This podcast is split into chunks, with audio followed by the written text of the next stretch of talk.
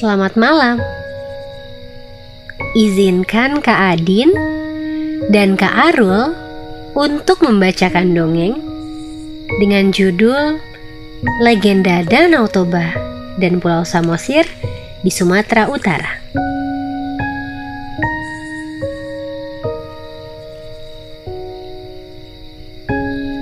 Pada suatu hari, di sebuah desa yang gersang di Sumatera Utara, tinggallah seorang pemuda miskin yang setiap harinya bekerja sebagai petani. Kemarau yang panjang menyebabkan seluruh daerah mengalami paceklik.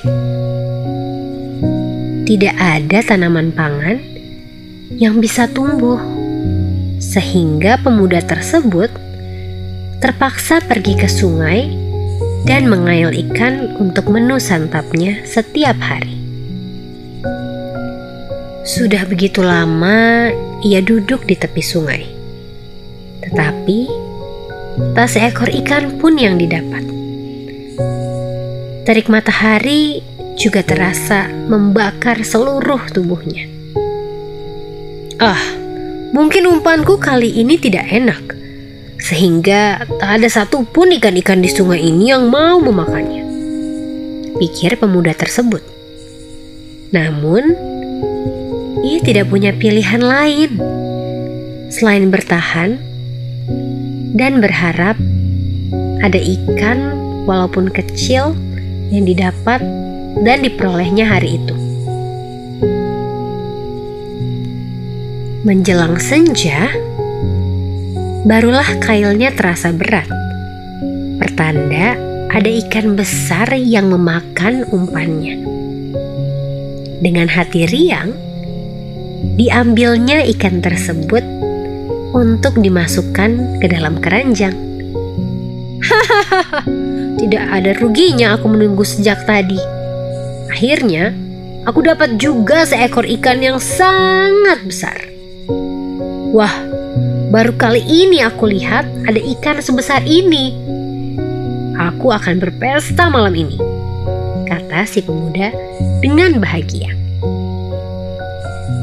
Sesaat saja, sebelum jatuh ke dalam keranjang, ikan tersebut melompat dari pegangan tangan si pemuda dan terjatuh ke tanah. Detik berikutnya, tanpa diduga, ikan itu menjelma menjadi seorang putri yang cantik jelita. Alangkah terkejutnya, si pemuda melihat hal tersebut. Sang putri yang menyadari kekagetan dan ketakutan si pemuda berkata, "Jangan takut, manusia. Aku tidak akan menyakitimu. Sesungguhnya, Akulah yang berhutang budi pada kebaikanmu. Aku telah dikutuk oleh dewa. Oleh karena kau telah menyentuhku, aku berubah menjadi manusia sepertimu. Dan mulai saat ini, aku akan mengabdi padamu. Akhirnya, si pemuda membawa putri jelmaan ikan tersebut ke rumahnya. Sang putri membantu membereskan rumah, memasak, mencuci, dan melakukan pekerjaan rumah lainnya. Karena takut akan anggapan buruk masyarakat, si pemuda bermaksud untuk menyunting putri ikan menjadi istrinya. Sang putri pun menjawab, "Aku bersedia menjadi istrimu, asalkan kau berjanji untuk tidak mengatakan pada siapa pun, termasuk kepada anak kita nanti." Tentang asal-usulku. Si pemuda menyanggupi permintaan putri ikan, dan tak lama kemudian mereka pun menikah. Dari pernikahan mereka, lahirlah seorang anak laki-laki yang diberi nama Samosir. Samosir adalah seorang anak yang kuat, berani, dan juga besar. Seiring pertumbuhan tubuhnya, selera makan Samosir pun juga bertambah berkali-kali lipat. Setiap hari, ibunya harus memasak nasi dalam jumlah yang banyak. Tentu saja, untuk mendapatkan itu semua, si bapak harus bekerja lebih keras. Pada suatu hari, ayah Samosir pulang dalam keadaan letih dan lapar. Sepanjang perjalanan pulang, ia terus membayangkan masakan istrinya sambil terus menahan rasa perih di perut. Segera setelah tiba di rumah, ia langsung menuju dapur untuk mengambil makanan. Betapa terkejutnya ia begitu mendapati periuk nasi yang kosong. Ibu, apa kau tidak masak nasi hari ini? Aku lapar sekali. Sang suami sangat kesal karena harapannya sepanjang perjalanan pulang tidak sesuai dengan kenyataan. Dengan tergopoh-gopoh, istrinya pun datang. Tadi aku sudah memasak nasi, Pak. Mungkin anakmu yang menghabiskan semuanya. Tunggu sebentar ya, Pak. Aku masakan lagi. Mendengar penjelasan tersebut, habislah kesabarannya.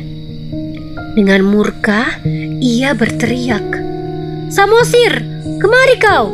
Dasar anak ikan tak tahu diri! Kau habiskan semua makanan tanpa kau ingat bapakmu ini yang kelelahan dan kelaparan setelah seharian bekerja keras untuk menghidupimu dan ibumu." Mendengar perkataan suaminya yang kasar itu, hati putri ikan pun bagai disayat sembilu suaminya telah melanggar janji.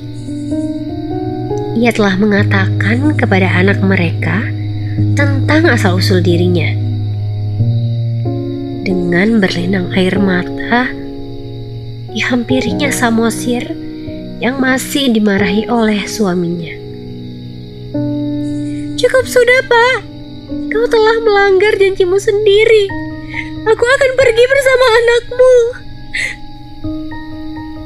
Ibu dan anak itu pun berkemas dan pergi meninggalkan rumah. Petani itu tertegun, menyesali perbuatannya yang tidak bisa menahan emosi. Kini ia sendiri, tanpa istri dan juga anak. Ia telah kehilangan mereka untuk selama-lamanya hanya karena seperiuk nasi. Berkali-kali petani itu memanggil istri dan anaknya, tetapi tetap saja kedua orang yang ia sayangi tak pernah kembali. Tak berapa lama kemudian, di hadapannya muncul mata air yang menyembur dengan deras. Semakin lama, air tersebut semakin banyak dan akhirnya menenggelamkan seluruh desa.